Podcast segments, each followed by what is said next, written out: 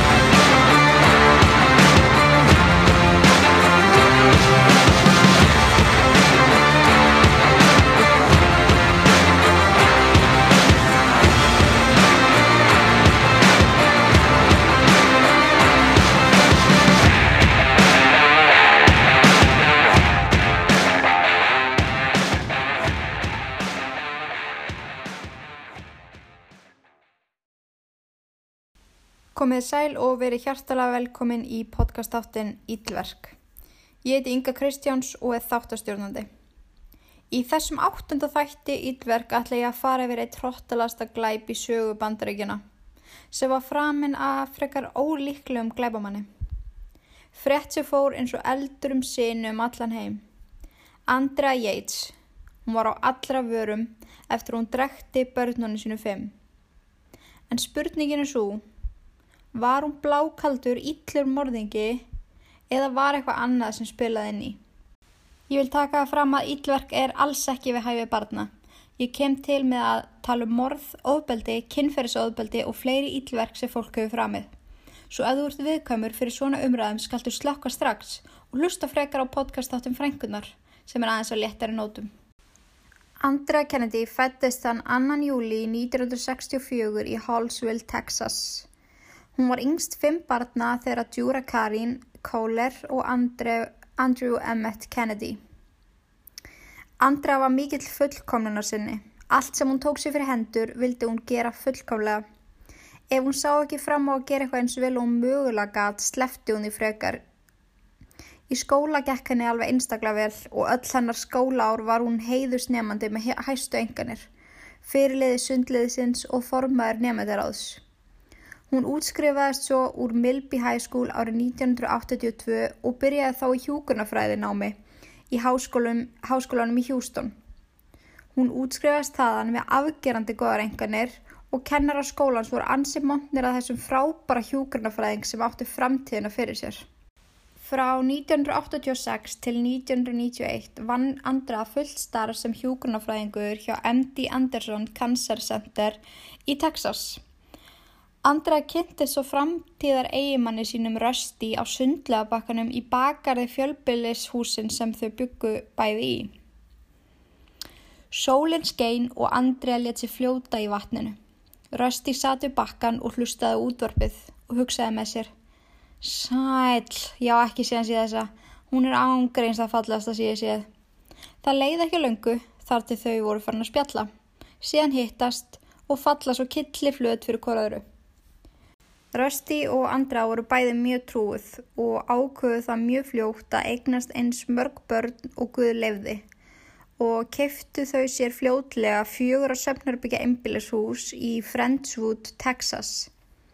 Fyrsta batni þeirra Nóa var fættur í februar 1994 en rétt áður fekk Rösti frábært vinnutilbóð í Flórida sem hann fannst hann ekki geta hafnað. Þau fluttu úr stóra húsinu í hjólhísi í Semonæl, Flórida.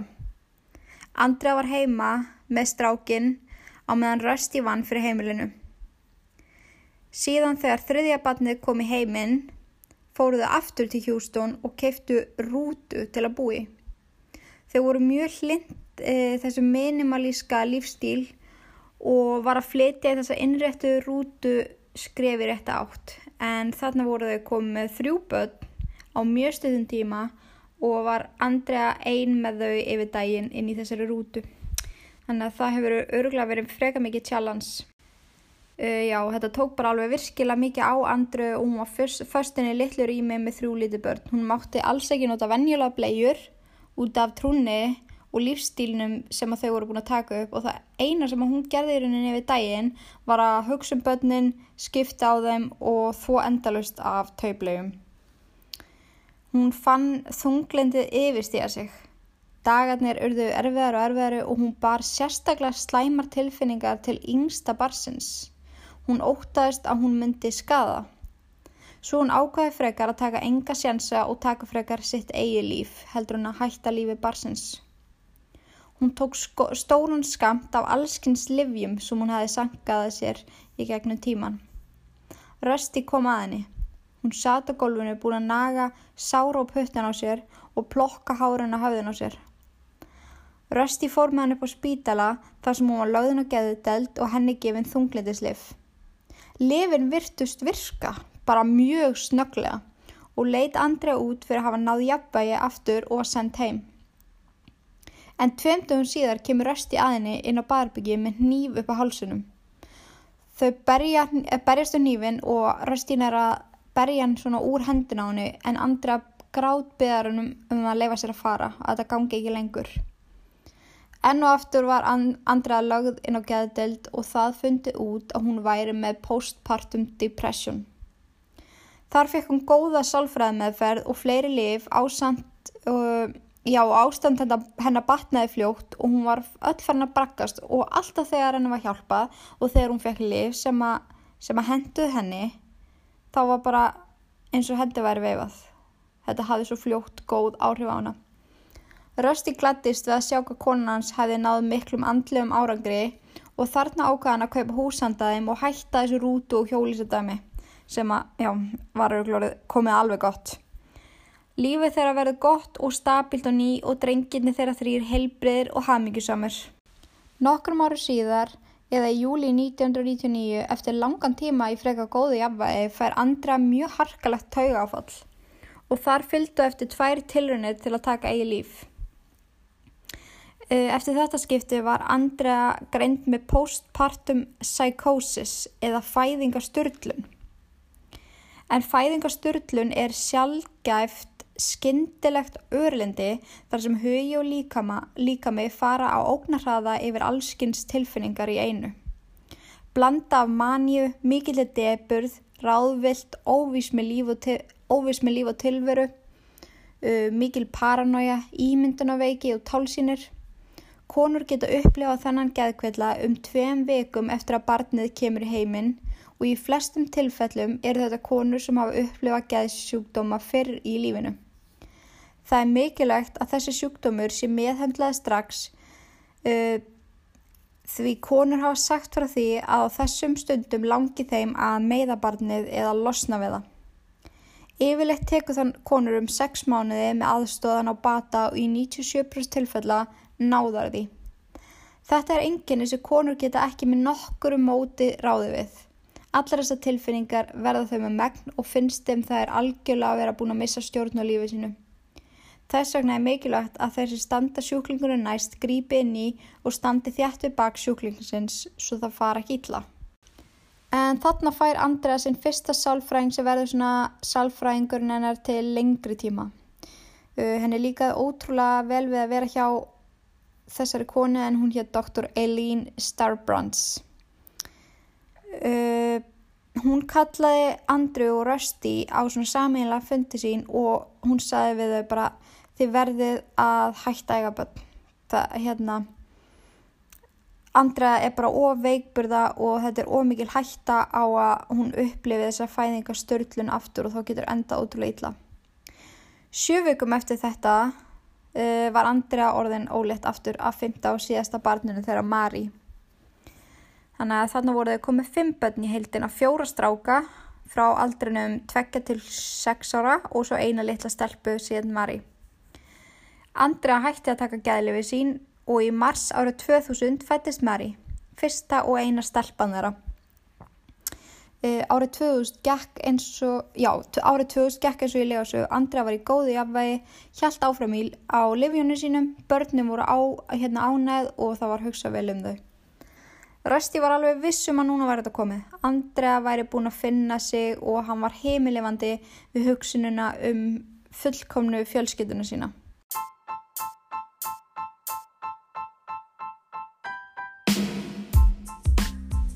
Vissir þú að rannsóknir sína að 80% kvenna ganga í vittlurössi stærð af brjóstraldra? Lindex býður upp á fría mælingu og faglega ráðgjöf við að finna rétt snið og rétta stærð fyrir þig. Puss-up, spangalös, silki eða blunda, í Lindex finnur þú þinn eina rétta. Kíktu við í næstu verslun og nýttu þér þessa fráböru þjónustu. Lindex. We make fashion feel good. Ári eftir fæðingu Marí eða í mars 2001 deyr pappi Andreu. Hann var búin að vera veikur í mjög langan tíma og hafði Andrea verið hans stóð og stitta og hugsaði um pappa sinn eins og hún mögulega gatt. Hún hafði allæfi verið mikil pappastelpa og fór þetta döðusfall alveg með hana. Þarna hættir hún aftur að taka lefi sín og byrjar að stunda sjálfskaða daglega. Uh, hún sker sig uh, í hendunar og fætunar og lærin með rakvilablöðum sem að skildi eftir djúparskurði og síðan ör. Andra eitti heilu klukkutímanum í að lesa biblíuna. Uh, ok, það er kannski ekkit að því per se, en þegar börnin eru hangandi utan í þér og þú lætir svo þú sjáur þau ekki því þú ert að lesa biblíuna, þá er þetta mögulega aðeins uh, og langt gengið myndi ég segja. En Mari litla var orðin frekar vannar þar sem Andra gaf henn ekkert að borða yfir daginn að því að hún var bara of upptekinn að því að lesa biblíuna. Enn og ný var Andra lögð inn og það tók við henni geðlæknir að nafninu Dr. Muhammed Seed. Hann veitti henni salfræði meðferð og setti hann á ný geðlif. Nokkrundum síðar var Andra útskruð. Í mæ 2001 uppliði Andra í fyrsta sinn enkenni af geðklofa sem er mjög alvarlegu geðsjúkdömur sem felur í sér breytingu á hegðun, hugsun og tilfinningum. Algengi geðklofa er 0,6 til 1% og er sjúkdómurinn jafn algengur hjá konum og körlum. Sjúkdómurinn kemur yfirlegt fram uh, hjá körlum, eða fyrir fram hjá körlum eða um unlingsaldur. Fyrstu enginni geðklofa geta haft dramatísk áhrif á aðstandendur sjúklingsins þar sem þau geta vikið algjörlega frá fyrri persónleika, persónleika einstaklingsins. Fólk sem þjáast að geðklóa upplifur oft hræðilar ofskinjanir og ránkugmyndir eins og til dæmis að einhver sé að reyna að drepa það. Tal geðklóans er oft samhengislaust og einni geta líkamsenginni þeirra verið flöt og svift öllum tilfinningum. Einkennin gera þótt að verkum að annað fólk hræði skeðklofa því aðstendur, aðstendur skilja ekki ástandi sem sjúklingurinn er í og veit ekki hvað það hefur það. Einkenni geðklofa er skipt í jákvæð og neikvæð einkenni.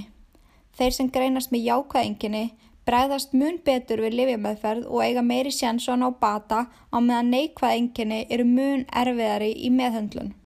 Jákvæð enginni fela í sig frávik eða trublun frá eðlilegri virkni svo sem ofskinjanir, undarlegt og rugglingslegt tal, tilfinningadeifð, sinnuleysi, ofsónabrjálaði, félagsleg hlédregni og trúaleg þráhyggja. Neikvæð enginni er til dæmis skortur á reyfigetu og framkomu. Áhrif á aðtegli og einbendingu, minni getur falið í sér félagslega hlédregni, skerta hreyfigetu og skort á tilfinningum og frumkvæði eða fram, framtaksemi. Oft er einkennum líst þannig að þau séu flöt eða sljó. Andlit geðklofa getur því verið svipriðalöst, rödd hans getur verið eintóma og líkamstjáning hans verðist án allra tilfinninga. Skortur á áhuga, frumkvæmi og framtaksemi getur því valdið því að sjúklingarinn gerir ekki neitt dögum saman eins og í tilviki andru að sinna ekki börnunum sínum. Flokkar geðklofa eru stjarfageðklofi, ofsóknageðklofi, óreiðugeðklofi, ósundurgreindur geðklofi og residual geðklofi. Enginni andru voru flokkuð undir stjarfageðklofi eða katalónik. Hennar enginni voru mikil trublun á hreyfingu, bregst ekki við áreiti frá umkörinu svo sem leiðbynningum annara. Auk þess getur stjarfageðklofi sínt skindilega kippi. Enkennin geta einni falið í sér að viðkomi, viðkomandi er í sömu stellingu í langa tíma. Það má því segja að stjarfageðklofi enkennist af líkamlegum enkennum og það sést mjög vel í tilfelli andrögu en þið skoðið bæði myndir af henni og vídeo þegar hún var sem veikust og þegar hún var handtekinn. Ég vil nýta tækifærið og taka fram að ég er ekki sálfræðingur eða fræðingur um geðsjúkdóma á neitt, neittnátt. Öll gögnin sem ég er að segja ykkur eru tekið frá leknarsíðum eða punktar frá fagaðilum sem hjálpuði mér við að búa til þennan part af þættinum. Að mínu mati fannst mér mikilvægt að þessi hlið málsins komi fram til að varpa skýrar mynd á frásagluna. Ásand því að það er holdt fyrir allt og alla að kynna sig geðsjúkdóma og þekki helstu enginni. Dægin sem enginni af geðklofaröskun Andreu komu sterklega fram, fylgti hún baðkerið af vatni um miðjan dag. Setna kom í ljós að hún hafi ákveðað að drekja börnunum sínum en að einhverja ástöð ekki gert af. Dægin eftir var hún lögð aftur inn og hún talin vera í mikilli sjálfsvíkshættu og baðið hafi líklegast verið fyllt því hún ætlaði að drekja sjálfur sér. Í júni 2001 var Andrea búin að vera undir stöðugri smásjá, lækna, geðlækna og sálfæringa.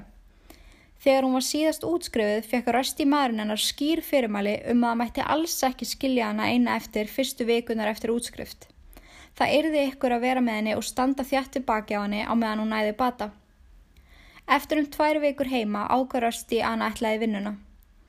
Andra virtist verið góðu jafnvægi og pluss það áttuðu ekki efnaði að hann væri meira heima.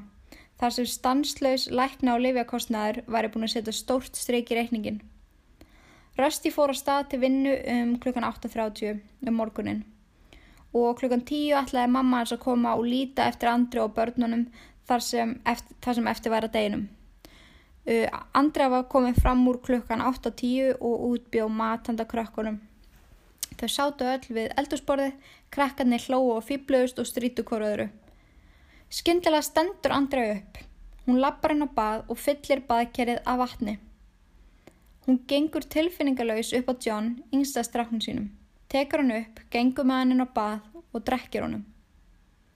Hún leggur svo hreyfingalauðsan líkamannans í rúmið þeirra rösti. Næst tekur hún Paul og síðan Luke. Síðan var það litla sexmánaða dóttir hennar Mari. Hún drekti henni og skildi hann eftir fljótandi í baðkerinu á meðan hún sótti elsta strákið sinn Noah. Noah spyr mömmi sína, hvað er eiginlega Mari? Andrea svarar honum ekki, grípuði höfu á honum og steipir honum ofan í baðkerið. Þar sem Nóa var á hann sjöra og mjög sterkur strákur streytist hann á móti. Hann nær höfðun upp úr vatninu og segir, Mamma, ég skal vera góður. Andrea þrýstur honum ofan í vatnið af öllu afli þar til hann hættir að reyfa sig. Andrea tekur síðan Mari upp úr baðinu og kemur henni fyrir í fangin á John sem var að henni mati besta og umhyggjusamasta barnið hennar. Hann hafði alltaf hugsað svo vel um sískinni sín. Þegar hún er búin að koma öllum börnunum fyrir rúmið þeirra rösti, ringir hún í 911.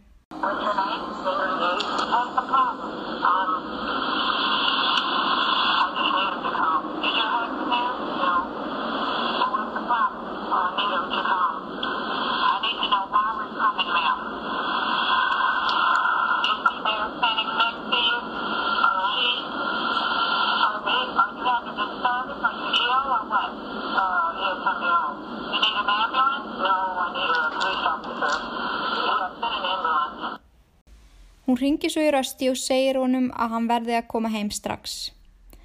Þetta gerist allt á minna en klukkutíma. Þegar öll börnin voru látin voru enþá tíu mínútur í komu tengdamömmu Andreu. Þegar lögregla mætur á staðin komu þau að Andreu setjandi í sófanum. Hún starði algjörlega sveiplaus út í loftið og hreyfði sig ekki. Lögregla skildi ekki alveg hvað var í gangi þar sem hún hafði ekki tekið fram hvað hefði komið fyrir í símtalunu við 911. Lauruglan gekk ring eftir ringum húsið og ekkert virtist vera að. Þar til að leita var betur í herbyggi andra og rösti. Lauruglan tekur eftir því að sengin í rúmin er eitthvað skrítin. Það er eins og það hefur verið búið, búðumrúmið yfir stóra fatarhúi eða eitthvað svo leiðis. Þegar hann liftir senginni sér hann sjón sem hann mun aldrei ná að gleima. Sjón sem vekar hann upp á nóttinni í svitabaði. Öll fimm jeitsbörnin lágu þarna látin.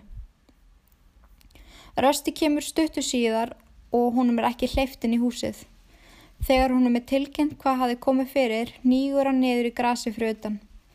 Öll fjölskyttarnas var fa farin. Á klukkustund var lífans hrunið. Andrea var tekin í gæsluvarðald og viðkynni strax allt sem hún hafi gert. Hún hafi vísvitandi beðið eftir að Rösti var í farin í vinnuna áður en hún fyllti baðkerið svo hann myndi ekki stoppa hana af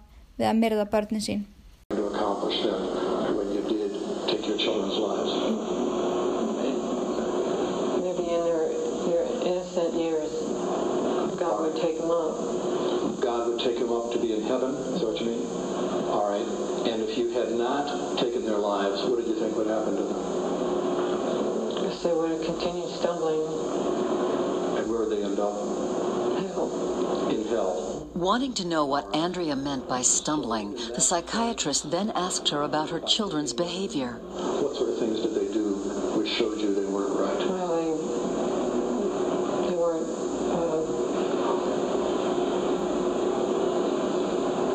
they just- just did a lot of silly stuff and didn't obey. Didn't obey you when you told them to do things. All right. You mentioned their manners before. Can you give me an example of their manners? Just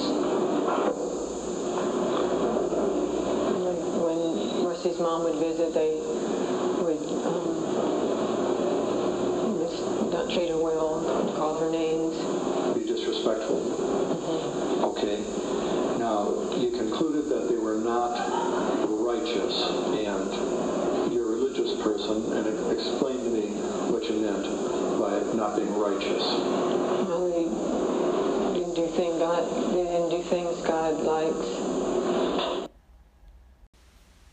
In a Houston courtroom today, a verdict in the second murder trial of Andrea Yates. Was she insane? Did she know right from wrong when she drowned her five children? The trial lasted more than a month. Today, a verdict that legal scholars say could have real impact on how society views mental illness. Here's our senior legal correspondent, Chris Cuomo. As the verdict was read, Andrea Yates seemed detached and unaware of what was happening. We, the jury, find the defendant Andrea P.A. Yates not guilty by, rea- by reason of insanity. In 2002, Yates was convicted of murder for drowning her children one by one in the family bathtub. She was sentenced to life in prison, but her conviction was overturned on appeal. So this jury was asked to decide if Yates is a criminal or insane. The prosecution's case was based for the most part on testimony from a psychiatrist who interviewed Yates for 14 hours. Dr. Michael Wellner testified she was able to tell right from wrong, and he didn't believe Yates about why she killed her children. You don't believe she was tormented and compelled by Satan to kill them? The evidence doesn't support it at all. But excerpts from the interview seen by the jury and obtained exclusively by ABC News seem to support the defense's argument that Yates was compelled by Satan to kill her children, and under Texas law, that made her legally insane. Yes, I felt tormented Tormented by what? by Satan. Just that, that Satan was tormenting me. I think she'll probably need treatment for the rest of her life. This was a victory not only for Andrea Yates, but for the insanity defense. It's almost never used and rarely successful. This case is almost uh, a watershed for mental illness in the criminal justice system. Yates will now be sent to a state run mental hospital, quite possibly for the rest of her life. The verdict may have come down today, but this case made an impact on society years ago. In 2003, Texas passed the Andrea Yates Bill, requiring physicians and hospitals treating pregnant women to provide information and resources to help them deal with postpartum depression. And Charlie advocates hope that today's verdict will George Parnham sem var gamall félagi Rösti og virtulögfræðingur tók mál Andru að sér. Hann fór beinustu leiði það að reyna að sanna að Andra væri virkilega geðveik og gæti því ekki borið ábyrð gjörðunum sinum.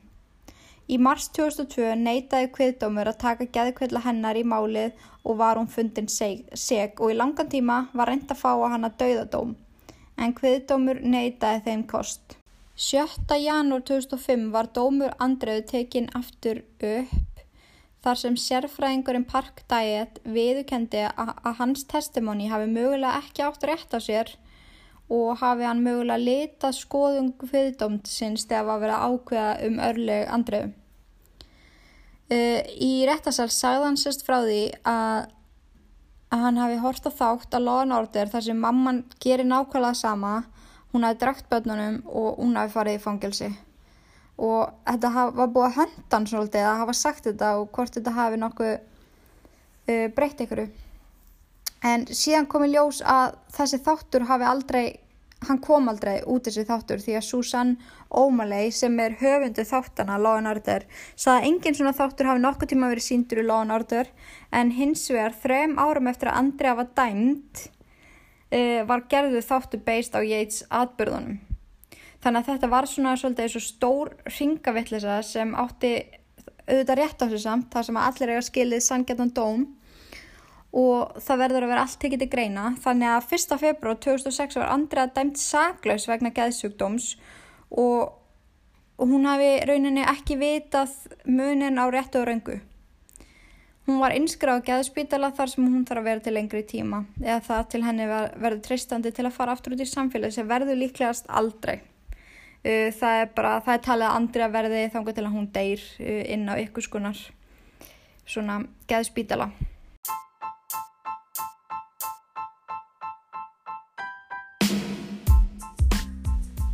Eru æfingafóti þín orðin upplituð og gödótt? Ertu ekki að meika hvað æfingaböksuna þín að rúla alltaf neður þegar þú ert á æfingu? Eða ertu jáfnvel í 15 ára gamlum kvennalöpsból frá mömmuðinni? Mm, þetta eru vandamál sem á kippa í lið 1, 2 og bingo. Farðin á brandsson.is skoða úrvalið að bæði herra og dömu æfingaklæðinaði. Hlustendur Íllverk fá 15% afslátt á öllu inn á brandsson.is. Noti kóðan Íllverk við checkout og fái 15% afslátt. Ég endur tek ILL-VAF-ERK við checkout fyrir 15% afslátt. Brandsson.is Það er svo ótrúlega margið þættir sem spila inn í þetta mál um, sem að mér finnst verðt að taka fram og þótt að ég sé dansandi á mjög fínni línu þá leifi ég mér að fullera að systemið hafi bröðust andru. Uh, manneskja með þessa félagsgrá að gæðsjúkdómum hafi verið útskrifuð aftur og aftur án eftirlits finnst mér eiginlega alveg magnað. Mér persónulega finnst líka að bæði hún og Rösti hafi verið ótrúlega kærlaus inn á milli. Uh, já, inn á milli var andra nokkuð stabíl og þegar hún tók lefi sín náði hún að fungera nokkuð aðlilega og það var mælt með því að Dr. Seed sálfræðing að, að þau ættu alls ekki að eiga fleiri börn því að það væri alltof hættilegur svona trigger fyrir geðsjúkdóma og þú veist ef andra er það ólitt aftur væri hún að setja bæði sjálfa sig og börnin í mikla hættu en þau hlustuðu ekki á það. Sami læknir sagði líka við Rösti að skilja andru ekki eftir eina heima eftir hún var útskrifið uh, rétt fyrir morðin. Það er því ykkur að gæta hennar og ef það væri ekki hann sem geti verið heima að gæta hennar þá er það að vera ykkur annar. Um, það var bara alls ekki mælt með því að kemur svona glukkar í deginum þar sem hún var ein með börnin, ekki á meðan hún var svona viðkvæm. En hann ákvaða sjálfur að skilja hann eftir í klukkutíma að modni og í klukkutíma að kvöldi til að þjálfa sjálfstæð hennar aftur upp. Hann ráðfærið sér ekki við neitt og að mínu mati finnst mér að mjög mikið kæruleysi og þótt svo andræði fram með einn hróttalasta glæp sem hægt er að hugsa sér er svo margið þættir sem hefur betum átt fara sem hefur mögulega getað bjargað í einsfjölskyldinu. Hvað finnst ykkur? Ég er allan á því að, einmitt, það er systemið, það er maðurinn hennar, það er hún sjálf. Mér finnst allir bregðast ótrúlega svona, nei, eins og sé ekkert mál við þessu. Sem er ótrúlega bakkandi þegar maður er að lesa þetta mál af því að þetta er eitthvað sem hefði geta verið komið í vegfyrir. Það sem ég var líka að koma, eh, koma inn á er trúin þeirra sem að, marg, að margramati spilaði líka mjög mikið partíus öllu saman. Þau sögðu að þau myndu eiga eins mörg börn og Guð lefði. Svo ef Andrea hefði orðið ófrísk barn eftir barn þar til líka minn hann að segja stopp þá hefði hún gert það þótt að, þótt að þau eignast tíu. Þau áttu fymta barni sitt þrátt fyrir það að læknar segðu þeim að það gæti orðið virkilega hættulegt. Rösti segir að hann hafi ekki gert sig grein fyrir því að Andrea væri svona ótrúlega veik og húnum hafa aldrei verið sagt það. Ef hann hefði vitað um allar hættunar þá hefði hann aldrei skilja hana eftir heima með börnin og hvað þá eignast fleiri börn með henni. Svo spyr maður sig, var Rösti bara svona rosalega gegnsær? En það hefur öruglega rugglaðan líka hvað hann var útskrifuð alltaf nokkrum dögum eftir innlögn. Það var engin eftirfylgni, engar sérstakar greiningar, þannig séð svona fyrst til að byrja með. Þannig að það hefur líklega sagt hún að það væri ekkit alvarlegt. Það var í raun ekkert sem vann uh, með Andreu í þessu máli. Það er einhvern veginn bitnaði allt ótrúlega þungt á henni. Það sem hún trúði var að hún væri að bjarga lífum barna sinna með að senda þetta Guðs á meðan þau voru ung og saklaus og já, hún taldi sig verið að gera það á meðan hún drekti þeim öllum one by one. Uh, því hegðun þeirra væri að verða verra verri eftir að þau eldast, þau eruðu óþekk og stríðin og hlýtt ekki, bara eins og þetta er bara lýsing á mjög venjulegu barni. Um, en ef hún hefði ekki gert þetta, hefðu þau endað í helvíti. Það var henn að trú. Þetta var eitthvað sem henni fannst hún þurfa að gera. Uh, þrem árum eftir þennan hræðilega tíma uh, ákvað Rösti að skilja við Andru. Hún er náttúrulega bara komin inn á geðsjúgrós, hann er einn, en hann er giftur henni í þrjú ár eftir þetta og býr í húsinu þeirra í þessi þrjú ár. Og það tóka náttúrulega langan tíma að taka þessu ákvörum um hvort hann ætti að skilja við hann eða ekki. Hún fannst hann eiga að standa með henni þar sem að hún var svo ótrúlega veik og hann segir að þetta sé einn erfiðasta ákvörun sem hann hefur nokkuð tíma tekið. Um, en vegna veikinda hennar fannst honum hann aldrei geta treyst henni aftur. Og hann gæti bara svo sannlega ekki hugsa sér að búa með henni aftur og hvað þá eignast fleiri börn eða eitthvað þannig. Þannig að hann ákvör að skilja við hana.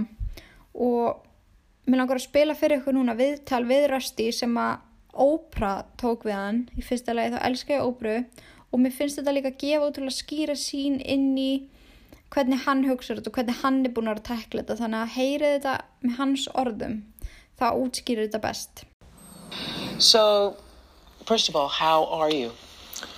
I, I'm doing pretty good, you know. Like you said, I've remarried, and uh, my wife and I have a little uh, boy. I have two stepsons, and then we have one son together who's uh, seven. Who is the same age as your oldest son? Yes. And how difficult is that? It, it, it's difficult at times. I mean, there are times where he does something that reminds me of one of, you know, my first five children. I heard you've actually trained yourself for how to think about your children. So when a memory comes up, That's what right. happens? What do you do? when you're first grieving and you see, you know, something that reminds you and reminds you of that loss, and it's really easy to get caught up in like, oh, you know, how uh, they suffered or the fact that they're gone, you know. And what I tried to do was say, look, I'm not going to let these events steal, you know, that joy, the joy that we had. Uh, for for those seven years, and replace that or kind of that memory with something more positive, you know, and remember, oh, that's the time we played together. That was a lot of fun, you know. Yeah, I remember something on the Oprah show years ago with Dr. Phil talking to a woman who, for 10 years, was grieving the loss of her daughter and going into the room and holding onto the clothes and all that. Yeah. And he said to her, Why do you let the day of her death define her entire life when there was an entire life you can think about? And you've learned how to do that. Exactly. It's it's the things that get you know help you get through. One is you know having some faith. You know that you know that they had you know happy lives here on this earth, and and that their lives will really endure forever.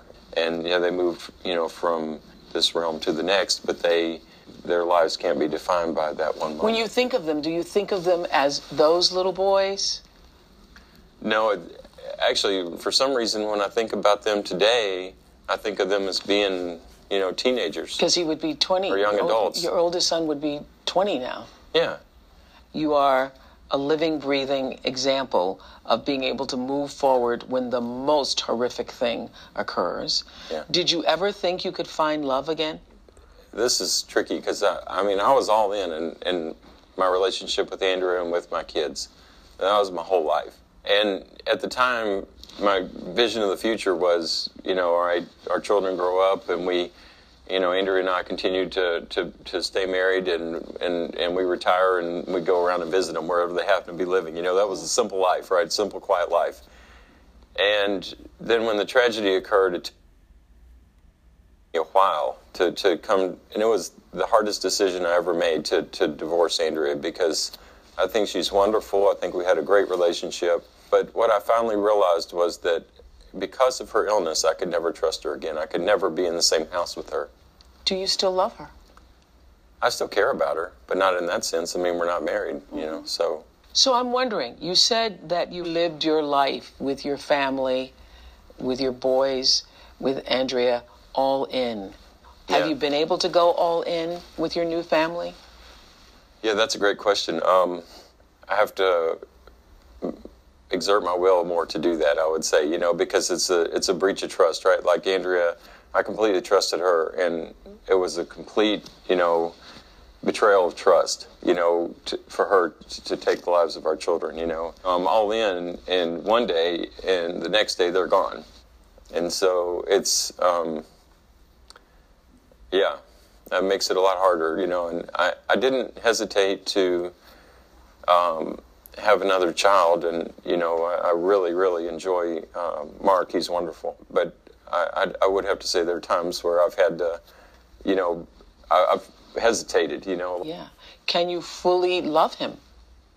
Oh yeah, I mean, it's it's to me that's more an action, right? So I mean, I I I do all the same things with him that I did with my kids, and I enjoy it, you know. And and so, um, but I, I I think it's that that hesitation sometimes. you know, Protecting your I- heart. Yeah. Protecting yeah, your heart. Yeah. En Andrea er ennþá læst inn á geðveikra stopnun þar sem að hún fær aðstofna sem hún þarf.